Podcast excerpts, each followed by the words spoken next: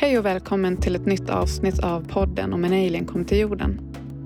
I det här avsnittet träffar jag Evelina Utterdal som är klimataktivist, föreläsare och skribent. Och vi pratar om klimatfrågor, psykisk ohälsa och empati. Om ni gillar den här podden skulle jag bli jätteglad om ni vill recensera den eller dela den med någon som ni tror skulle tycka om den. Jag heter Therese Storm och det här är Om en alien kom till jorden. Hej Evelina! Varmt välkommen till podden Om en alien kom till jorden. Tack så mycket för att du ville ha mig. Jag har en fråga som jag skulle vilja börja med och det är vad tror du att en utomjording rent allmänt hade tänkt om platsen och människorna om den kom hit? Det beror nog lite på vart de skulle hamna, men jag tror generellt sett så att det är väldigt vackert. Jag älskar ju natur och eh, vi har, alltså det finns så många fantastiska platser på jorden. Alltså bara om man kollar i närheten här runt om i Göteborg finns det platser som är jättevackra. Och, så att jag tror att de hade tyckt att det var vackert. Och eh, sen så tänker jag att de kanske hade tyckt att människor var väldigt stressade. Eller att liksom människor gör saker väldigt fort. Det är nog det som jag tror att de hade reagerat på. Mm. Du är ju klimataktivist, föreläsare och skribent och brinner för hållbarhet och mänskliga rättigheter och djurrätt och lever också verkligen som du lär inom alla dessa områden. Och du och jag, vi träffades ju förra året genom gemensamma vänner och jag har följt dig på Instagram sedan dess, där du dels har ett eh, internationellt konto, Earth Wanderers, och där du också nyligen öppnat upp ett nytt konto för dina svenska följare under Evelina Utterdal. Du har ju blivit väldigt uppmärksammad för ditt sätt att resa utan att flyga. Vill du berätta mer om det och bakgrunden och vad som ledde till att du slutade flyga? Eh, ja, alltså jag har ju bakgrund då som resebloggare och reseskribent. Så att jag frilansade och eh, reste på heltid och sådär. Så att jag tror väl att det var därför det blev så pass uppmärksammat när jag eh, som resebloggare bestämde mig tvärt för att sluta flyga. Och det var, ja, det var väldigt tvärt för att jag visste ju att flyg var dåligt för miljön. Precis som de flesta har en aning om att så här, men det är ju inte bra för miljön att eh, köra bil eller att eh, flyga. Men jag visste liksom inte hur dåligt det var. Och sen så kom jag över en krönika där jag för första gången såg svart på vitt i siffror hur stora utsläppen är för flyg. Jag blev jättechockad att det var så pass stora utsläpp jämfört med hur vi människor måste gå ner till att släppa ut per år för att kunna leva i en värld som, eh, som går att leva i. Så när jag fick veta det så bestämde jag mig samma dag. För jag kände att jag kunde inte rättfärdiga mitt resande eller mitt flygande eh, i och med att en av de största grejerna med klimatkrisen och så där, det är ju just att eh, de människor som redan är mer utsatta och alltså generellt sett då, de som eh, slås hårdast av klimatkrisen är människor som eh, påverkar klimatkrisen minst. Mm. Och det är att människor redan dör nu. Det är liksom ingenting som ligger långt några hundra år i framtiden utan det är här nu. Det är bara att alltså klimatkrisen är här, det är bara att den är inte är jämnt fördelad. Så för mig var det ett jätteenkelt val eh, när jag väl fick veta. Bara sluta. Jag fick, vill jag resa fick jag göra det på annat sätt. Spännande. Var var du någonstans när du läste den här artikeln? Då var jag faktiskt i Sverige. Jag hade precis kommit hem från, eh, jag hade väl varit iväg i ett halvår eller någonting sånt där och rest i Kanada och sedan ner till Mexiko och sen runt i eh, Sydamerika och eh, lite i Karibien. Så jag hade precis kommit hem därifrån när jag läste det. Och eh, sen hade jag ju såklart planer. Då var det att jag kom hem för eh, jul och nyår. Och jag hade ju planer till våren till exempel att resa till Iran. Men då tänkte jag att jag får väl ta mig dit på annat sätt. Och då gjorde du det också sen? Du genomförde resan till Iran fast. Ja. Och hur tog du dig dit? Precis. Det var med buss och tåg genom Europa. Det är inte så långt bort som man kanske kan tro. Europa i sig är ju väldigt litet till ytan om man jämför med många delar. Och så har vi ju i Europa otroligt bra system med eh, tåg och bussar och sådär. Så att eh, jag tog mig till eh, Istanbul och därifrån en direktbuss till Teheran. som visserligen tog 40 timmar. men eh, jag sov mesta delen. Nej, men så det var förvånansvärt enkelt. Hur många ställen har du rest till utan flyg nu sen den resan? Jag har ju rest till väldigt många ställen många gånger sedan dess. Som till exempel har jag rest otroligt mycket mellan Sverige och England. Så där har jag varit fram och tillbaka säkert tio gånger de senaste två åren. Men sen så har jag också rest runt i... Ja, när jag åkte då till, ehm, till Iran så passade jag på att stanna till på olika ställen. Så jag spenderade några veckor i Grekland och seglade där. Och Eh, sen efter Iran, jag var där i två månader, så eh, reste jag upp till Armenien och Georgien innan jag åkte tillbaka till Europa. Och ja, men så det är Europa jag har varit i framför allt. För att det har varit det som har varit lättillgängligt. Och sen så blev det ju då för ett år sedan att mitt eh, engagemang för klimatet blev större än för resandet. Så att eh, då blev det helt enkelt att jag fick stanna upp och hålla på med min eh, aktivism och pausa resandet. Så då bodde jag i London i några månader när jag jobbade med eh, Extinction Rebellion.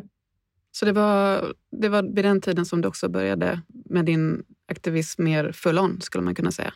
Genom att ha en plattform som jag hade då tack vare mitt eh, resebloggande så blev ju mycket av det jag gjorde en sorts aktivism i och med att jag, om jag pratade om, om till exempel att resa som vegan och Eh, sen när jag slutade flyga och pratade mer om miljön eh, eller när jag pratade om eh, eh, fast fashion, varför det är dåligt och sådär. Så att, ja, men det var ju först då, eh, förra våren, som, eh, som jag aktivt jobbade med det. För jag var koordinator för Extinction Rebellions Instagramkonto och var ju liksom, ledde ett team liksom som hade hand om Instagrammet och var också nere på många auktioner och körde livestream och sådär.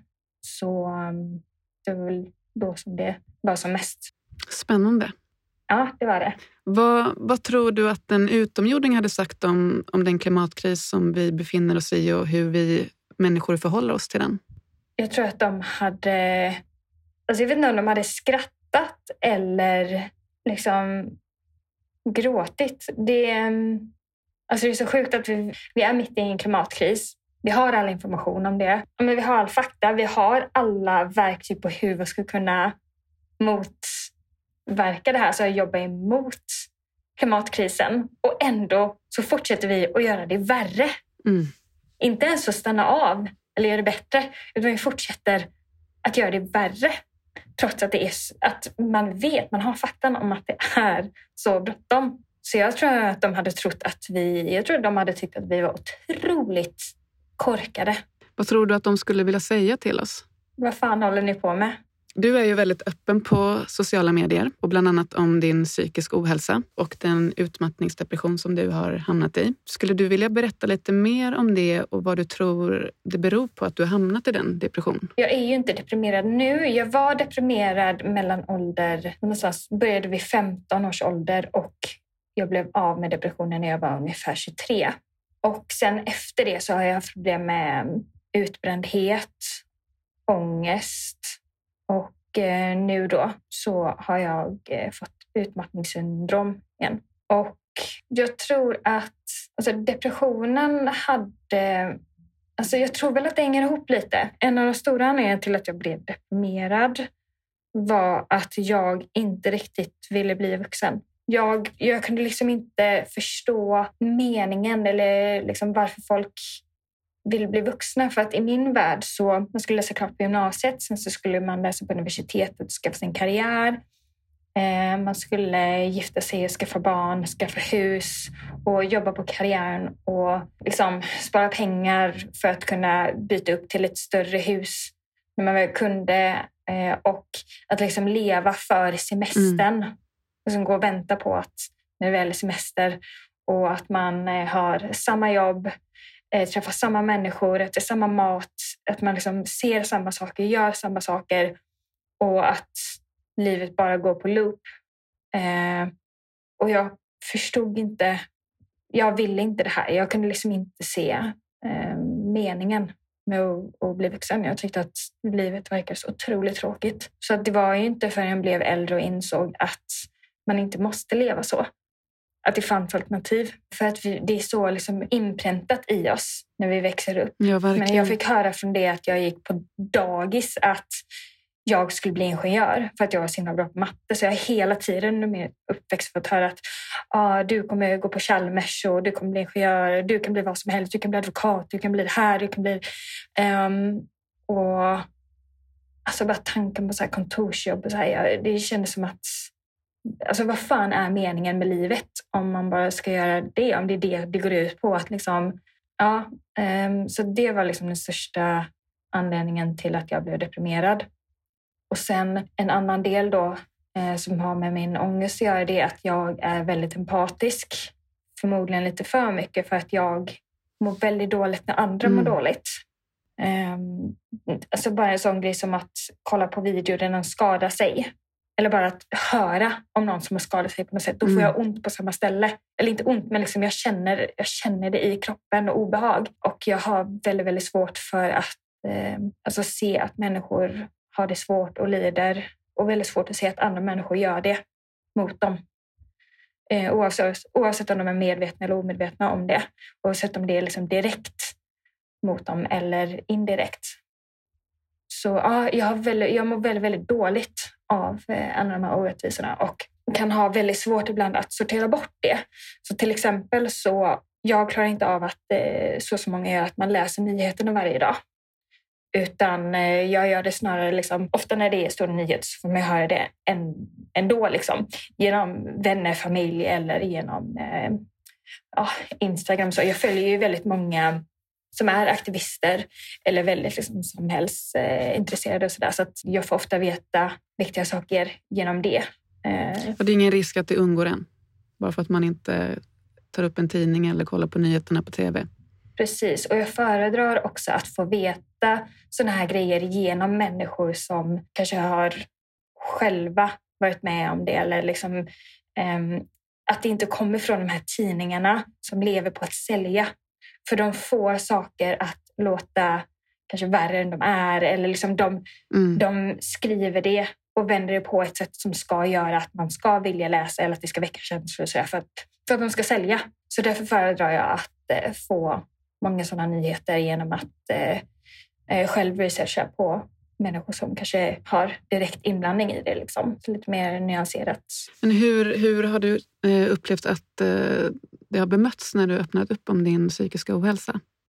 I stort sett bara bra. Alltså, jag har ju märkt att ibland kan jag vara lite väl öppen med det lite väl snabbt och att många människor inte är beredda på det. Så då kan det vara att att jag märker att de blir lite chockade för att de inte är vana vid att folk är så öppna om sådana saker. Men eh, det vet jag av erfarenhet att det kan vara väldigt bra att prata om sånt för att eh, jag hade en vän som jag pratade med väldigt mycket om min eh, depression som jag hade då, att jag mådde väldigt dåligt och den här vännen mådde väldigt dåligt och var självmordsbenägen hörde av sig till mig och bad om hjälp. Oh, fint. Han visste inte vart han skulle vända sig för jag var den enda som mm. någonsin mm. hade pratat om sådana här saker med honom. Så att han visste att jag skulle förstå. Han visste att, att det var liksom tryggt och säkert att prata med mig. Så att då kunde jag ju hjälpa där. Och tyvärr så är det ju jättemånga människor som inte vet vart de ska vända ja. sig. De känner inte att de har någon som, som de kan prata med om sådana här saker. Så därför väljer jag att men jag vill prata om det högt och tydligt just för att det ska bli mer normaliserat att prata om det. Det ska inte vara något konstigt, det ska inte vara något fult, det ska inte vara läskigt och prata om det. Så, och jag har också, det var nog bara någon vecka sedan som någon skrev till mig också på Instagram att han mår otroligt dåligt och att han sakta håller på att dö. Och, då, och detta var liksom något som jag inte kände, men jag tog mig ändå tiden att prata om det. Och, um, och sa det att liksom jag träffa en professionell. Och um, den här personen eh, bor i jag vet inte om Spanien eller Italien. Men eh, då kan man inte riktigt träffa någon. Men eh, så sa jag det att det finns online som man kan göra. Antingen via videomeddelanden. Då sa han att det, ehm, det går inte för att han har eh, rumskompisar som kan höra. Så, men det finns även på chatt och sådär. Och ehm, ja, jag är bara så glad att ehm, folk kan känna att de kan komma och, och be om hjälp eller bara att kunna prata om det och fråga om råd. Eh, så att jag kan referera vidare. Ja. Alltså det är ju ändå en rätt fantastisk tid som vi lever i ändå när vi liksom börjar öppna upp om sådana saker som man tidigare verkligen har lagt locket på. Alltså det är många normer som tidigare kanske man inte har överhuvudtaget tänkt på det men nu börjar man ju syna dem och titta på vad är det här egentligen? Är det här något som vi verkligen mår bra av? Vill vi verkligen ha det så här? Och där är ju du verkligen en, ja, men en, en, ett kugghjul som, som hjälper hela den här liksom rörelsen att gå framåt. Det, det är jättefint. Mm, tack. Jag skulle också vilja prata om, eh, jag är väldigt nyfiken på ifall du möter fördomar som klimataktivist. Och vilken bild tycker du människor ofta har av en klimataktivist och stämmer den i så fall? Ja, alltså det kan ju finnas många stereotyper om klimataktivister som stämmer in. Men det är alltså som till exempel att jag är vegan, jag är väldigt vänsterpolitiskt sett och sådär. Men det hänger ju ihop. Det, alltså, det är ju inte en slump att vänsterpolitiken har bättre eh, planer och så för just att bekämpa klimatkrisen. Eh, det är liksom inte en slump. Så det, det, hänger ihop liksom. Ehm, eh, vad mer? Ja, alltså det skulle väl vara att jag tror att många tror att aktivister är arga. Och eh, alltså det stämmer väl också. Vad har du att säga om det? eh, ja, men alltså, det är klart som fan att man är arg. Är man inte arg så vet man inte vad som pågår. Om man inte är arg så har man inte läst på. Sen så går ju inte jag runt och är arg på liksom, eller otrevlig mot människor. Um, men, men det eh, kanske är just det som är fördomen. Att man tänker att man är arg som person hela tiden. Mm. Bara för att man har ett, ett, brinnande intresse och går in och vill liksom förändra en fråga. Ja, precis. Och det är ju ofta så att när de här aktivistsidorna syns är ju när man pratar om det här. Och det är ju svårt att inte få med känslor och den frustration och ilska eller svek som man känner när man pratar om de här grejerna. Så att det är ju inte konstigt att man tror det när det är de sidorna man ser då. Människor kanske inte ser aktivister när de bara är helt vanliga i vardagen. För de som tycker att det känns övermäktigt att göra någonting åt klimatkrisen, vad, vad är ditt tips att de börjar någonstans? Alltså jag tror att först och främst så ska man läsa på om klimatkrisen så att man förstår.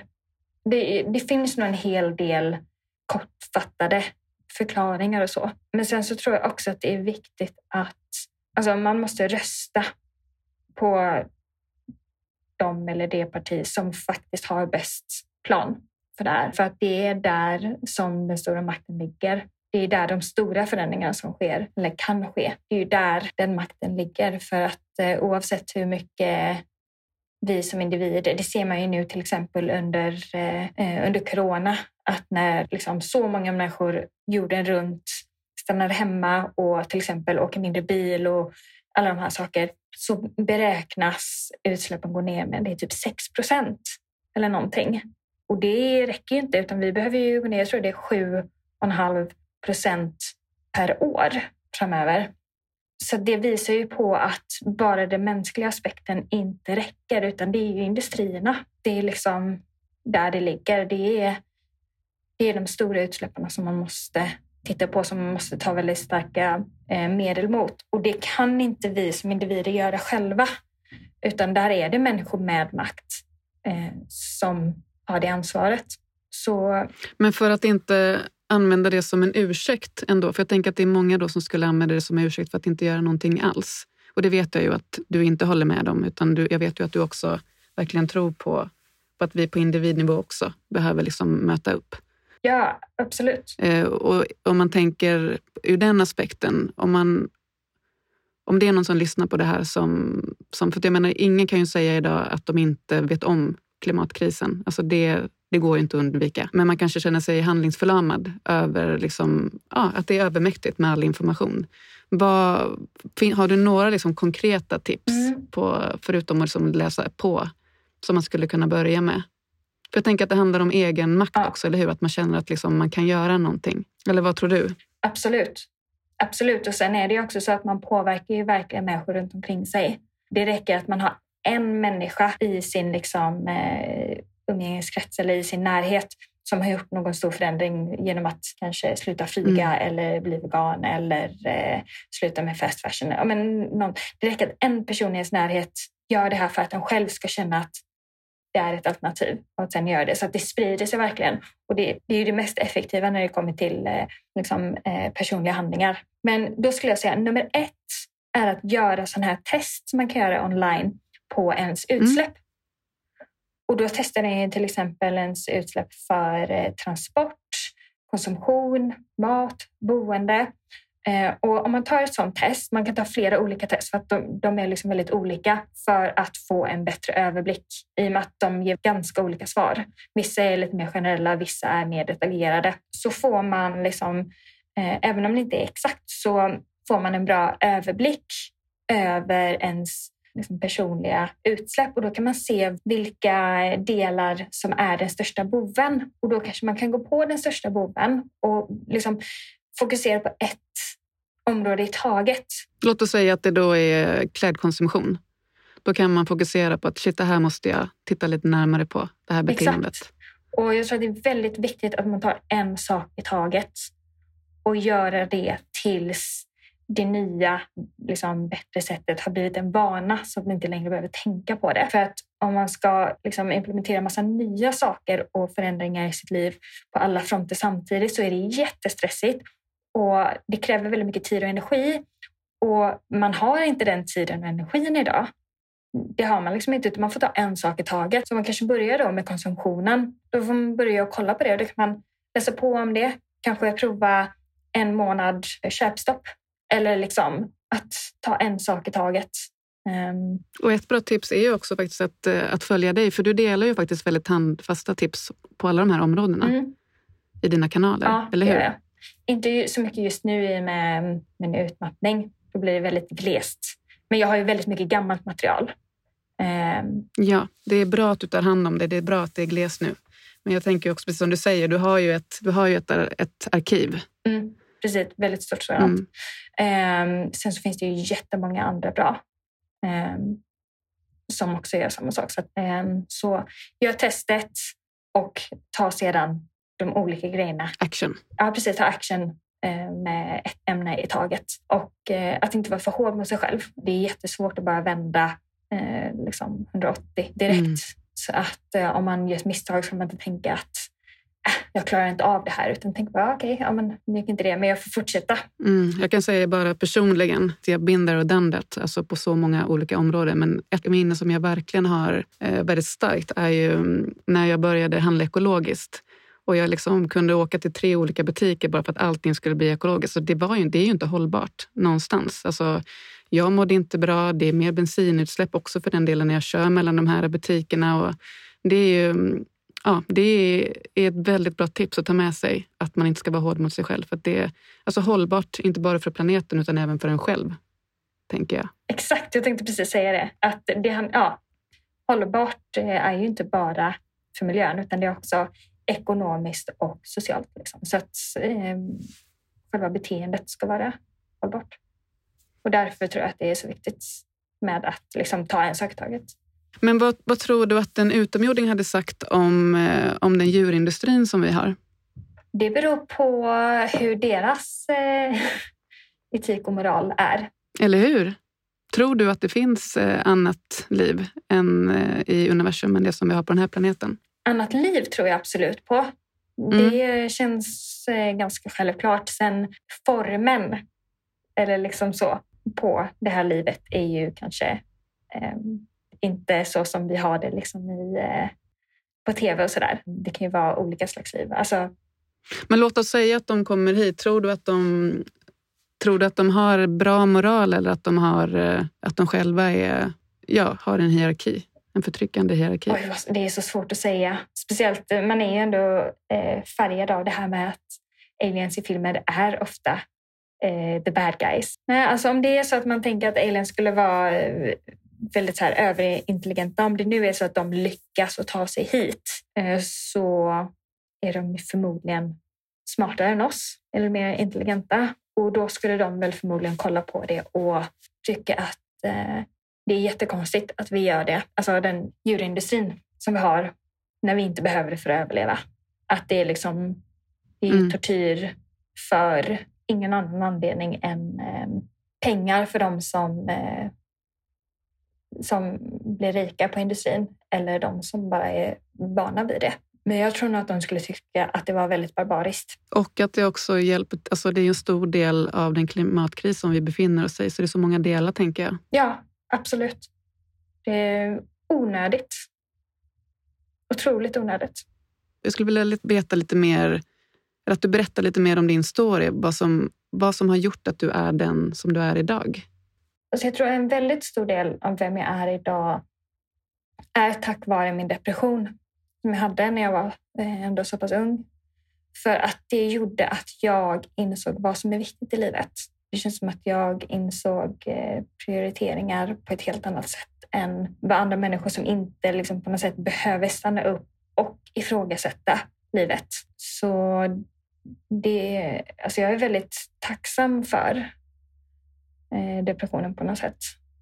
För att det har gjort att jag har insett att eh, pengar i sig har liksom inget värde mer än så att kunna överleva. Det är ju det är ju ett system som vi alla är del av.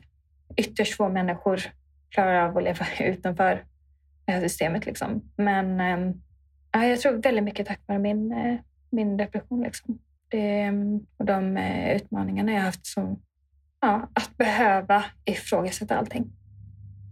Mm. Så här, vad är meningen med att leva? Ehm, är det värt att leva kvar?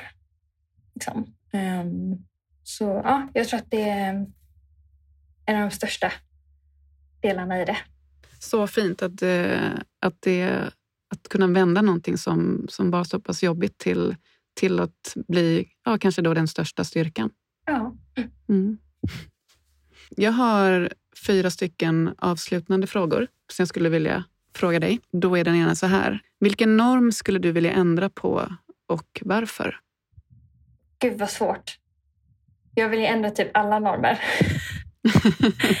Ehm, jag tror att jag skulle vilja ändra på den här normen av att ehm, vissa människor på något sätt är mer värda eller bättre än andra. Ehm, Mm. Både när det gäller eh, ehm, liksom, kön eller ehm, liksom, hudfärg eller kultur eller ehm, sexualitet eller eh, könstillhörighet. Så ja, den normen. att en vit cis heteroman är liksom på toppen av hierarkin. Det, det hade jag velat ändra på. Ehm, Fint. Jag skulle vilja veta en person som har inspirerat och präglat dig i livet. Vem är det? Du har säkert många, men om du fick välja en. Jag skulle nog säga min pappa. Ehm, Min pappa är en av de absolut mest snälla, eh, liksom genomgående människor jag känner. Fint. Alltså nästan alla som träffar honom tycker ju att han är otroligt snäll och det är han. Ehm, Så det ehm, tror jag att jag har... ehm, Alltså, dels kanske det är genetiskt men också att jag har sett det hos honom. Liksom. Mm. För att må bra i livet, vad tror du är viktigt för oss människor då? Att eh, ge kärlek. Ja, men kärlek i sig, men jag tror framförallt att vara kärleksfull. Och inte bara mot eventuella partners och sådär, utan mot eh, människor generellt. Eh, eller djur. Men bara att, ja, att ge kärlek. Det är i alla fall en av de saker som alltid har gett mig allra mest glädje. Att få ge kärlek. Om den som lyssnar vill ha mer av dig, var hittar den dig då? Då är det, ja, det är väl framförallt på Instagram som jag brukar hänga. Och då är det Earth Wanderess som är min eh, huvudsakliga och så Evelina Utterdal för den svenska eh, versionen. Så där jag kanske är lite mer specifik om saker som rör just svenskar. Tips och så om svenska företag eller personer eller sådär. Och sen så har jag också då min blogg earthwanderers.com och så har jag en Youtube där jag också heter Earth Wanderers. som eh, jag planerar att börja lägga upp videos på svenska. Ja, vad roligt. Ja, nu har jag bara några, några gamla på engelska, men jag tänker att svenska för att den typen av videos som jag vill göra mm, som eh, kan ge information och tips och sånt där. Det finns redan väldigt många konton. Eh, vi har väldigt många vänner som jobbar med Youtube just om hållbarhet och sånt där. Och det finns redan väldigt många på engelska så jag känner att det nog skulle behövas på svenska i så fall. Så, mm. Det ser vi fram emot. Ja, jag med. ja men gud vad roligt. Tack snälla för att du, eh, för att du ville vara med i podden Evelina. Tack så mycket.